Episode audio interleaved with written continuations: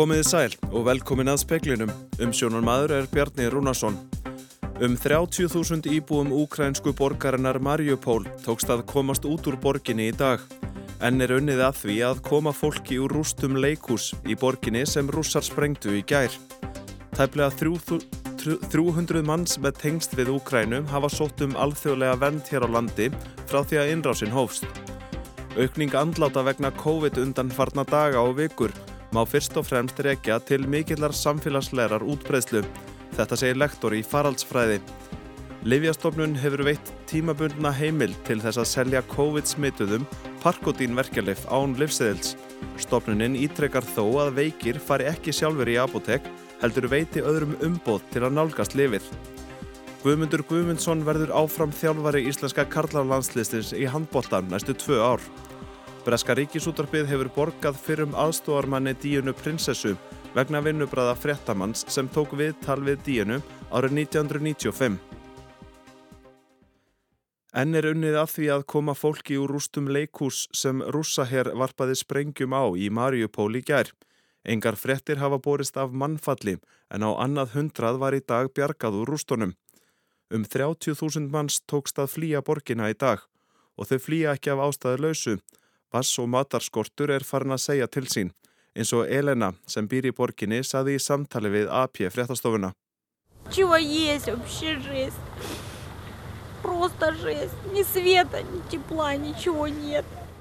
Við eigum ekkert að borða. Þetta er hræðilegt. Ekkert ramagn og engan hita.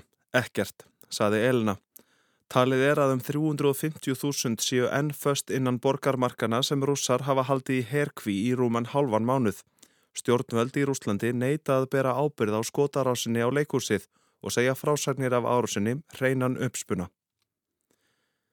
Tæplega 300 manns með tengsl við Úkrænum hafa sótt um alþjóðlega vend hér á landi frá því innrásin hófst. Almannavarnar nefnd ríkislauglustjóða bólaði í dag til æfingar þar sem æfð voru viðbröð ef hingað kemur 450 manns á þremur dögum. Jón Pétur Jónsson er sviðstjóri landamæra sviðs. Þetta er svo sviðsmynd sem blasir við það sem ástandið í Pólandi og sérstaklega Vassjá er bara mjög svona alvarlegt og, og við gerum alveg ráð fyrir því að, að Íslands stjórnvöld fái beðni um að taka við einstaklingum sem eru í þeirri stöðu að þurfa að komast í betri aðstæður. En hvað með e, þetta fólk sem lendir í vandraðu með að komast til Íslands og og flugfélagið vissir er að, að, að hafna því að, að lefa því að koma um borð. Já, þetta er svona, við hefum fengið að þessu fréttir undan farnan daga og þannig er ákveðin áskorun sem við stöndum fram í fyrir að greiða götu fólks sem vil koma til Íslands og við erum að vinna að því hörðum höndu núna að finna laust á þessu, þessari áskorun og hún er fjöldþætt og við þurfum að líta til margra þáttar en við erum að binda vonu við það að vera konum með laust fyrir næsta flug frá Varsjá sem held ég sé á lögadagin. Segir Jón Pétur Jónsson, Arnar Björnsson talaði við hann. Fjölgun andláta fólks með COVID síðustu daga stafar fyrst og fremst af mikilli útbreyslu veirunar í samfélaginu. Þetta segir Kristina Áspjörsdóttir, lektor í faraldsfræði við miðstöði í líðhelsu vísindum við Háskóla Íslands. Þó að fólk verði síður alvarlega veikt sé útbreyslan mikil. Þrátt fyrir það að við séum núna að vinna með bæði afbreyðið sem hefur læri dánatíðinni og líka mjög hátt hlutfall bólusetninga að þá samt sem áður sko, vegna þess að það hefur það var smittast markvallt fleiri á árunni 2022 heldur en árun 2 þar og undan að þá er það bara óhjókvæmilegt þá er prósendan sér lág að þá náttúrulega sapnast upp döðsföll þegar að smittin er óðan svona mörg. Saði Kristjana Áspjósdóttir, nánar verður fjallað um þetta síðar í speklinum. COVID-19 sjúklingar, átjánara og eldri geta tímabundið fengið affendar tíu töflur af 500 mg parkotíni í apoteki án livseðils. Framvísa þarf vottorði úr helsuvöru sem staðfestir smitt til þess að fá parkotín hjá lifjafræðingi. Þetta er undan þáu ráðstöfun lifjastofnunar sem gildir í rúman mánuð. Parkotín er hóstastillandi verkjalif sem inniheldur tvö virk efni, paracetamól og kótein. Það hefur verið lífseðilskilt frá árunni 2005 þegar líf sem innihalda kótein voru tekin úr lausasölu vegna misnótkunar. Hilsugjastla höfuborgarsvæðisins óskaði eftir undanþáinni en mikið álag hefur verið á hilsugjastlustöðum landsins vegna COVID-veikinda. Rúna Högstóttir Kvanberg, forstjóri Lífjastofnunar, segir þeim aldrei áður hafa borist sambarileg beðinni frá helbriðistofnun. Og það mingar álæðið á hilsugjastluna ef sjúklingarnir geta fengið afgriðt í apotekinu og þetta er ekki lausasileg heimild sem við settum inn heldur neyðar ávísun lífafræðings og þetta var unni með hilsugjastluna við náttúrulega vorum í samtali við, við landlækningsembati og við töluðum náttúrulega við markasleifishafa livsins og það var náttúrulega skoðið byrðarstæðan og við þurftum að vinna þetta mjög hrætt því að álæðið er núna. Livjastofnun ákvaða takmarka magnið við tíu töflur í aðeins eitt sinn til að reyna sportna gegn misnótkun þess. Nótkun verði einnig bundin við langvarandi þurran hósta. Livjafræðingar hafa sumir líst áhyggjum af því að mikill fjöldi COVID-smitara leggir nú leið sína í apotek að ná í parkotin. Við hefum verið að bregðast því að þeir hafa verið að kvastunda því að það hafa verið komið COVID-veikir einstaklingar með einkenni og við hefum bara verið að ítrekka það og erum búin að senda þeim núna tilkynningu sem geta hengt upp að auðvitað eiga þessir einstaklingar sem eru smitaðar að fara að tilmælum sótvarsnar yfir. Þetta var Rúna Högstóttir Kvanberg, Óluf Rún Erlendstóttir tók saman. Hópur Kvenna í hjólaferð á Spáni hefur ekki komist heim þrátt fyrir að brottför hafi verið áalluð á mánudag með spænska flugfélaginu Vueling. Þórtís Rósa Sigurðardóttir, einn kvennana, segist ósatt með byðina og skýringar flugfélagsins. Staðan sem við erum búin að vera í núna síðustu fimm daga í rauninni frá því á mánudag og fluginu fresta heim og það var alveg skilulegt en það var slemt veður heima og þannig að við förum bara hann hótel og fengum náttúrulega bara allt fríkt og uppihald og allt hannig og Við erum alltaf bóðað niður í lobbyið í pikka. 15 minnstu síðar kemur alltaf starfsmæðin úr lobbyinu til að tilkynna okkur það að flugtilæði séu búið að ringja og cancela fluginu. Í morgunar hópnum síðan tilkynnt að ekkert yrði á fluginu til Íslands í dag og voru þær ferðar yfir á annað hótel þar sem er dvelja í nótt. Það okkar skilningu var svo sem það sá og þá væri verið að setja alla fartegar sem væri að býða eftir flugi á eitt og sama hóteli þannig að það er auðveldar að koma okkur á flugverðinu fyrramáli. Þeir eru reynilega bara að bjarga okkur heim núna og taka á sig allan kostnað. Segir Þórtís Rósa Sigurðardóttir, Rebeka Líf Ingadóttir talaði við hana. Guðmundur Guðmundsson, landslistjálfari Karla í handbólta, hefur framlengt samning við HSI fram yfir ólimpíuleikana í París 2024. Þetta kom fram á bladamannafundi HSI í dag en samningur Guðmundar átti að renna út í sumar. Fyrir mig sjálfan þá fannst mér þetta eðlilegt eh, ef ég horfaði út frá því og eh, þeirri þróun sem ég er búin að sjá á liðinu. Ég, ég var gríða lánað með síðasta mót þó að við hefum lendið miklu mótvindi þar segja með varandi COVID og, og leikmenn dutt út en framistæðan var frábær og ég hef búin að sjá mikla framfari hjá liðinu. Þú tilur um vantarlega geta náðið jafnvel ennþá meira út úr liðinu fyrst að þú varst að gera samling til tveggja ára uppöld. Já, ég tel það og það sé alveg möguleik í því. Þetta þurfum við að vinna vel og að vera einbyttir og, og hérna allt það en við hérna, eigum eftir að verða betri. Segir Guðmundur Guðmundsson, Þorkjall Gunnar Sigurbjörnsson talaði við hann. Breska ríkisútvorpið hefur borgað fyrrum reytara díinu prinsessu umtalsverða upphæð vegna viðtals sem fréttamaðurinn Martin Bashir tók við díinu árið 1995. Viðtalið vakti heims aðtekli en þar greindi Díana frá þunglindi og átröskun sem hún glimti við. Einnig rætti hún um framhjáhald Karls Bretaprins með Kamilu Parker Bowles. BBC baðst í fyrra afsökunar á vinnubröðum fréttamannsins Basír sem beitti blekkingum og legum til að fá Díanu í viðtalið. Hann framvísaði meðal annars fölsuðum bankaeyflitum sem átti að sína fram á að fjölmiðlar greitu starfsfólki hennar fyrir að njóstna um hana. Patrick Jepson var reytari og helsti aðstofamæður díinu á þessum tíma og BBC greiti honum bætur fyrir skadan sem legar basír ollu honum.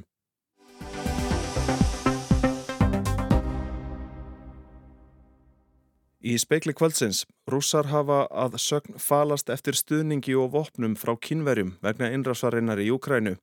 Er líklegt að við því verði orðið.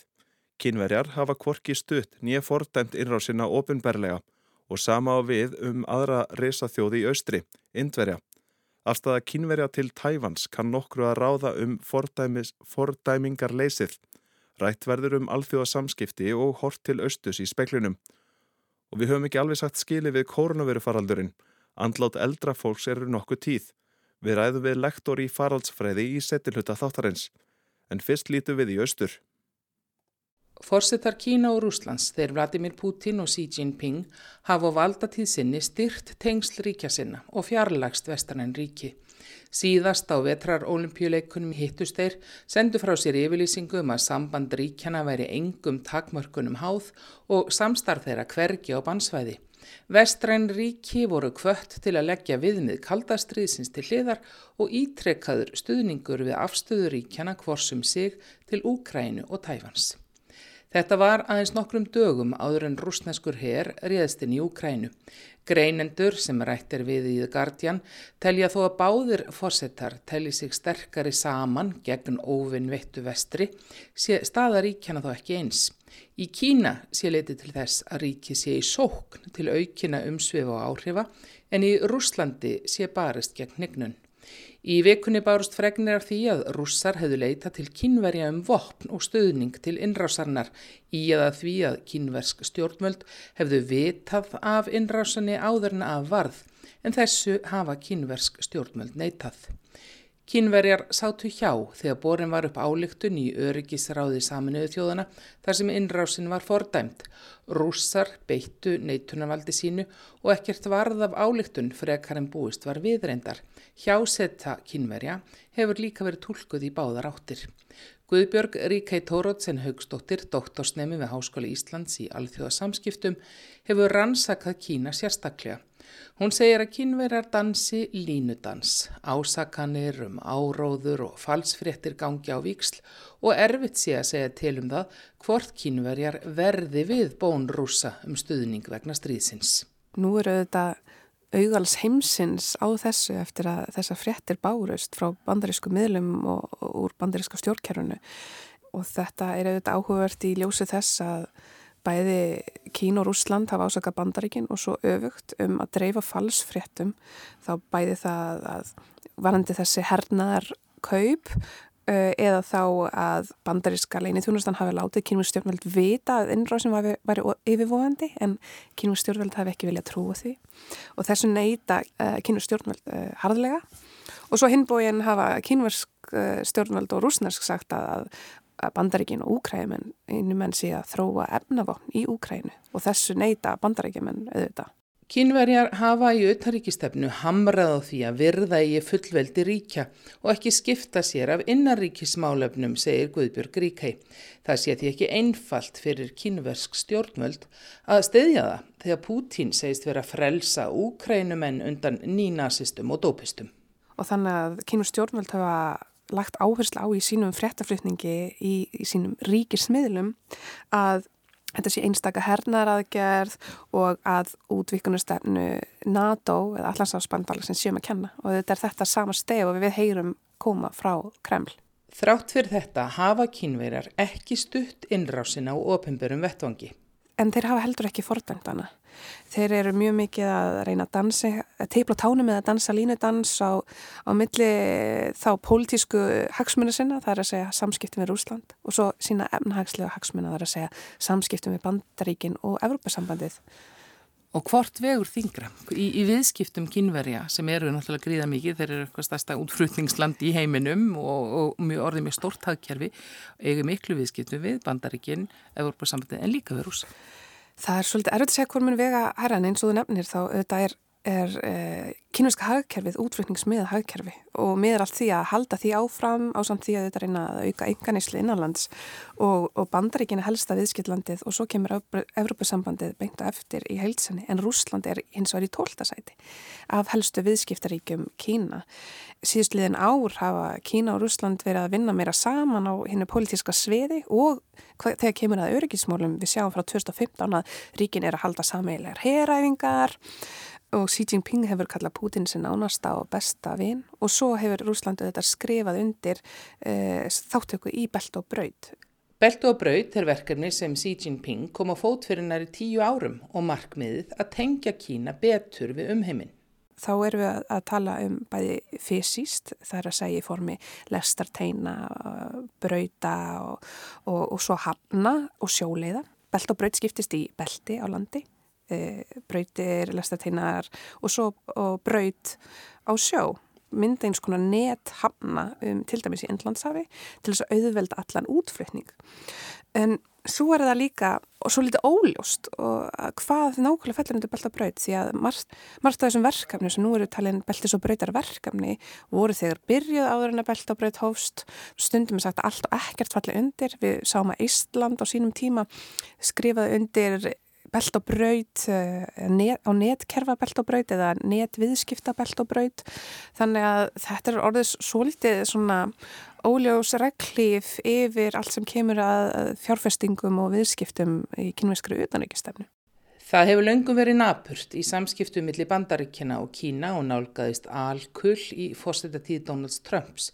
Þýðan er ekki mikil þó að skipti hafi orðið vestra og Joe Biden sest á fórsetastól.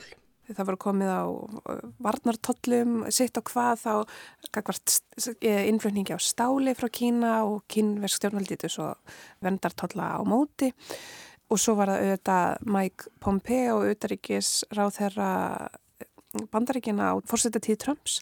Hann auðvitað var með mjög svona svo kallar harða Kína stefnu og, fordæmdi sérstaklega aðstæður múslima í Xinjiang heraði og aðstæður fólks í Hongkong og það auðvitað hafði mikil áhrif á samskipti ríkina en við sjáum enga síður að núna eru vendatólanir mörguleit enni gildi á tímum Joe Bidens og demokrataflokksins þannig að ég held að þessi tókstrætt á eftir að halda áfram held ég og sérstaklega þegar kemur að tækni geiranum það við sjáum alveg hvernig bandari stjórnveld hafa að vera að beita sér gegn nótkun á Huawei og, og öðrum tækni yðnaði frá Kína.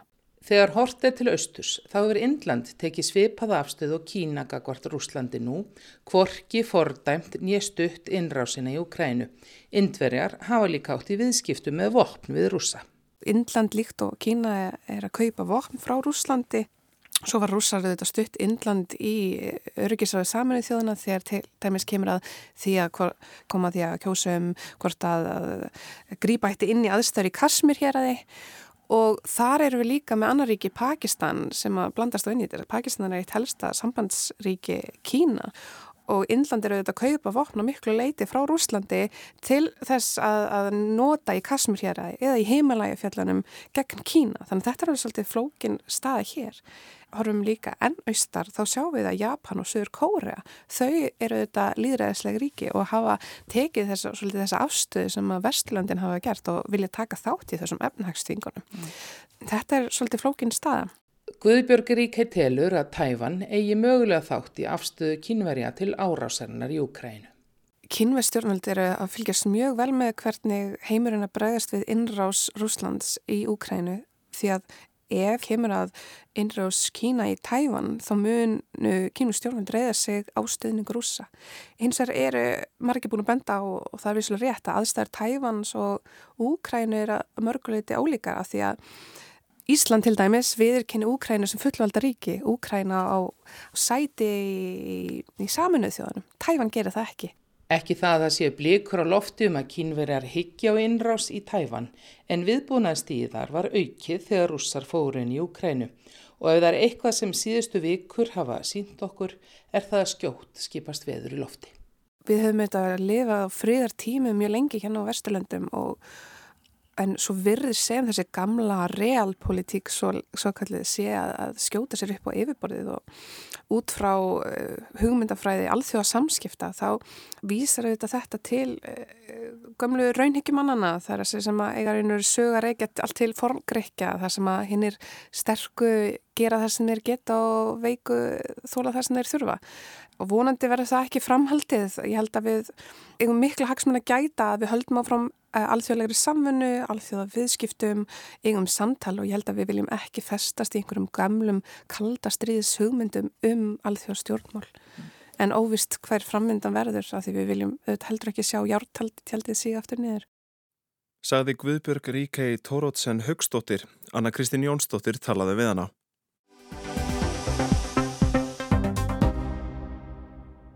91 hefur látist með COVID hér á landi á þeim rúmu tveimur árum sem farsóttin hefur geisað. Síðustu daga og vikur hafa andlátt eldra fólks með COVID verið nokkur tíð. Orsökin er ekki alltaf ljós en í opinberum tölum eru allir sem eru smitaðir við andlát taldir með. Um 46% landsmanna hafa smitast af veirunni eða um 170.000 manns og 2,2% hafa smitast tvísvar eða oftar. Nokkuð svipaðar fjöldi er á sjúkrási á hverjum tíma. Nú er 81 á sjúkrási, þar af 6 á gjörgjæslu.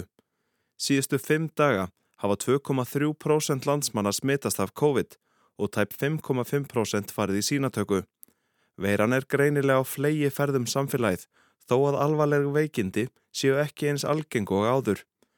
Hjördísrud Sigurjónsdóttir frettamöður rætti í dag við Kristjánu Áspjörsdóttur, lektor í faraldsfræði við miðstöði í líðhelsu vísindum við Háskóla Íslands. Undanfarnar daga hafa andlátt fólks með veiruna verið tíðari en undanfarin tvö ár. Hvað skýrir þetta?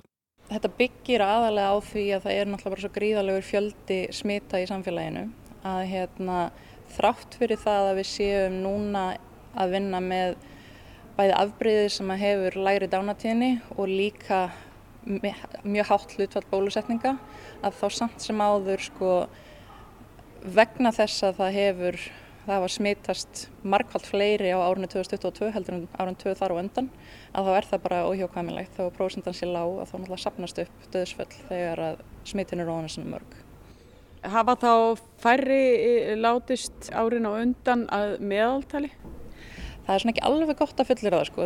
Það eru byrta tölur af hagstofunni þar sem að er svona hægt að horfa á það um til dæmis mitt ár 2020 þá hafi döðsföll verið færri að þessast ánatíni verið lægri í elsta aldursóknum, 70 eða 75 ára á eldri. Við erum bara svo lítið fýði að það er mjög erfitt að fullir það að nema munurinn sé þeimun meiri, að þetta sé marktækvið munur. Og heldar fjöldi döðsfalla var ekki, ekki ósvipaður 2020 og 2021 heldur en sko árin á undan. Mér skilst að öldrunalagnar og þeir sem að þekkja til sjáu mun sagt, frá árunum og undanfanni tvö ár frá árunum og undan og ég held að það sé ekki náttúrulega til annars að taka marka á því sko, sem að þeir sjá sem að vinna beint með þeim aldursópi. Á heimsvísu segir hún að minna hafi verið um döðsföll vegna annara sjúkdóma eins og til að mynda influensu sem leggst oft þungt á eldra fólk og það að minna er um ferðalög hefur einnig sitt að segja. Já, ég er ekki vissum að við höfum endilega séð það á Íslandi að aftur við erum alltaf með við erum að vinna með miklu minni tölur en til dæmis á Indlandi þar sem að voru mjög hörð útgangubönn og miklar ferðartakmarkanir og náttúrulega gríðarlega stór þjóð þar sást alveg afgerandi sagt, fækkun döðsfalla í umferðinni á meðan að allar COVID-aðgerna voru í gangi þannig að hérna, þó ég get ekki fullurt um að við höfum séð svipað á Íslandi þá er, er mögulega fleiri samverkandi þættir ef að það er tilfellið að við höfum verið með færri döðsföll undan fannir tvö ár. Lengi hefur verið stemt að hjarð ónæmi hér á landi og víðar. Hvar stöndum við gagvart því að mati Kristjánu?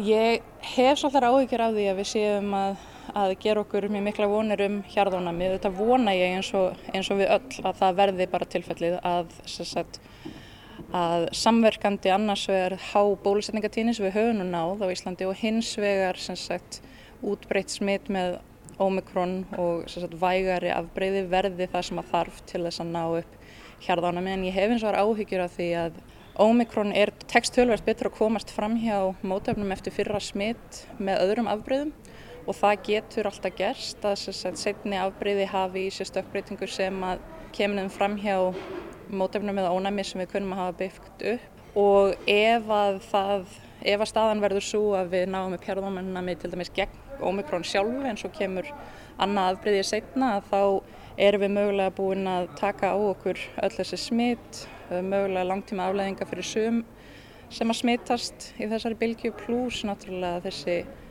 andlát. Og, og erum kannski ekki endilega að græða eins mikið á því eins og við gerum okkur vonir um til lengri tímaleitið. Sko. Frekari stökkbreytingar, það er ekkert hægt að útiloka það? Nei, alls ekki sko. Á meðan að staðan er svo að við erum með mjög lága bólusningatíðinni víða í látekjulöndum þar sem er mikill mannfjöldi og fólk býr mjög þjætt þannig að sjúkdómar eins og COVID breyðast mjög auðveldlega út að þá hérna, er alltaf sá möguleiki uppi að það komi fleiri eða ný afbreyði og afbreyðin sem að fela í sér stökkbreytingu sem að koma þeim fram hjá fyrra, fyrra ónæmi eru náttúrulega líklega til þess að breyðast út af því að þá geta þau breyðist út líka á meðal þeirra sem að hafa ónæmi gegn fyrra afbreyðin. Hún segir að líklegt sé að ný afbreyði komi fram síðar. Það sé óskandi að þau verði vægari en ómikrón en ef allt fer á vestaveg gætu þau orði verri. Endursmitt eru samkvæmt ofinberum tölum um 2,2%. Kristjana telur að það hlutfall sé þó nokkuð hærra í raun og veru. Endursmittin sem hlutfall af þess að heildar tölu, heildar smittfjölda er rétt rúmlega 2% eins og er. En lang flest þessi smitt, þessi fyrstu smitt, hafa átt sér staðin núna í ár 2022. Og ef við hins vegar miðum við það sem er lang líklegast að þau sem er að endur smittast séu sérst að fá ómikronin hafi áður fengið önnur afbreyði þá er líklegast að það séu einstaklingar sem að smittuðust á árunum 2020 og 2021 og við höfðum ekki nema um það með 30.000 uppsefnu smitt í lók 2021 þannig að og svo höfum við séð 3500 endur smitt á árunum 2022 eða hinga til. 3500 endur smitt og það voru 30.000 smitt alls í byrjun árs og þannig að svo prósenda er miklu minna, það er nær 10% heldur en 2%. Sko. Það er vegna þess að hluta að Omikron hefur þennan eiginleika að komast fram hjá ónæmi þeirra sem hafðu smittast af öðrum afbreyðum í meira mæli heldur en fyrir afbreyðu hafðu. Þetta er svona bendi til það sem að gæti gæst ef við erum áhöfin. Önnur afbreyði getur leikið sama leik? Nefnilega. Sko. Aflétting aðgerða, það er nú margir frelsinu feignir núna en sér þetta vera framhaldið? Ég held að það séu svona, það eru mistök að halda að þetta sé endilega loka staða. Ef við erum heppin, við auðvitað vonum við öll að þetta sé bara, það má deila um svona fornarkostnaðin og allt það en, en auðvitað vonum við að þetta sé bara að loka staðan og það þurfi ekkert fleiri aðgerðin. Það, það fer allt eftir því hvort að við sjáum ný afbreyði og hversu alvarleg þau afbreyði eru og hversu vel þeim gengur að komast fram hjá því ónæmi sem við erum að byggja upp eins og er. En þú ert ekkert endilega bjart sín á að, að þetta sé endarleg staða?